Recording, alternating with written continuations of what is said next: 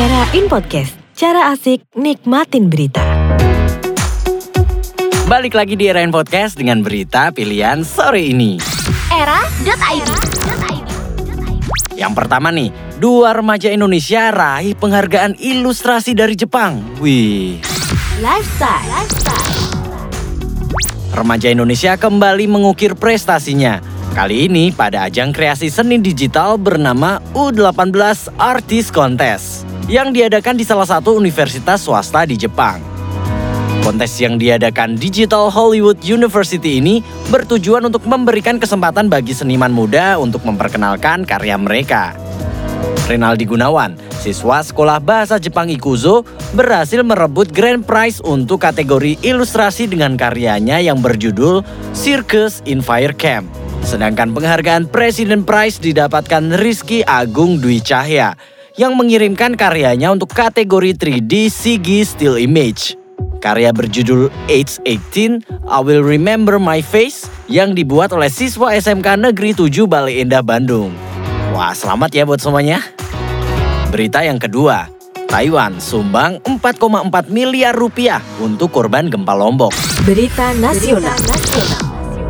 Pemerintah dan kelompok pengusaha Taiwan memberikan bantuan senilai 4,4 miliar rupiah kepada korban gempa Lombok melalui Palang Merah Indonesia di Jakarta Selasa 21 Agustus 2018. Dilansir dari Antara nih, Kepala Perwakilan Kantor Dagang dan Ekonomi Taiwan untuk Indonesia, John C. Chen mengatakan, bantuan ini diberikan karena Taiwan merupakan teman dekat Indonesia.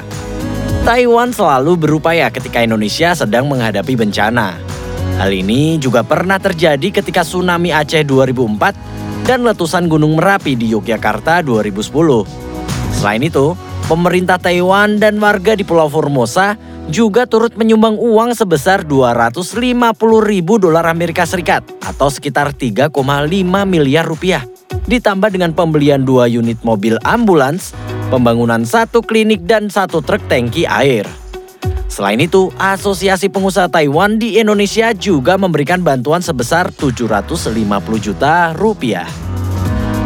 Berita yang ketiga nih, aturan bagi menteri yang ikut berkampanye. Berita nasional. Komisioner Komisi Pemilihan Umum RI Hashim Asyari mengatakan, Undang-Undang Nomor 7 Tahun 2017 tentang Pemilu memaparkan bahwa menteri yang masih menjabat diperbolehkan berkampanye memenangkan pasangan calon presiden dan wakil presiden. Meski demikian, ada aturannya yang harus dipatuhi jika menteri ingin berkampanye nih, yaitu harus mengajukan cuti pada hari kerja. Selain kewajiban cuti, menteri juga dilarang menggunakan fasilitas kenegaraan selama mengikuti kegiatan kampanye.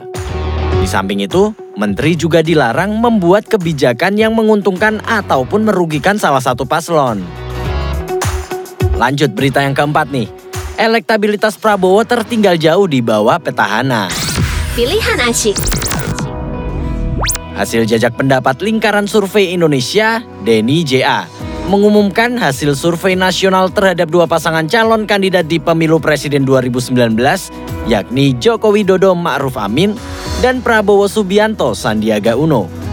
Hasilnya nih, pasangan Jokowi dan Ma'ruf unggul di lima kantong suara, meliputi suara muslim, non-muslim, perempuan, wong cilik, dan milenial. Sedangkan Prabowo unggul untuk kantong suara pemilih terpelajar. Pengumpulan data oleh LSI dilakukan pada 12 Agustus sampai 19 Agustus 2018. Pengumpulan data dilakukan terhadap 1.200 responden. Adapun metode yang digunakan adalah multi-stage random sampling. Pengumpulan data menggunakan teknik wawancara tatap muka dengan margin error 2,9%.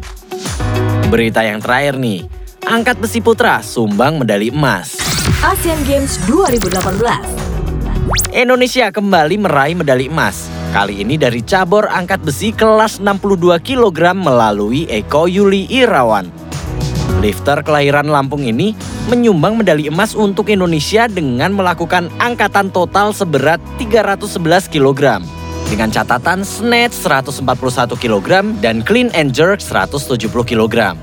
Rekor angkatan snatch dunia sampai saat ini masih dipegang lifter asal Korea Utara, Kim Un-guk, yang mampu mengangkat beban sebesar 154 kg. Ya, ini adalah medali emas pertama angkat besi Indonesia pada Asian Games. Secara keseluruhan nih, ini menjadi emas kelima Indonesia di ajang olahraga 4 tahunan paling bergengsi se-Asia ini. Ya buat kamu yang ingin baca berita lengkapnya, kamu dapat kunjungi di website kami di www.era.id. Dan jangan lupa untuk dengar terus beritanya cuman di Era In Podcast.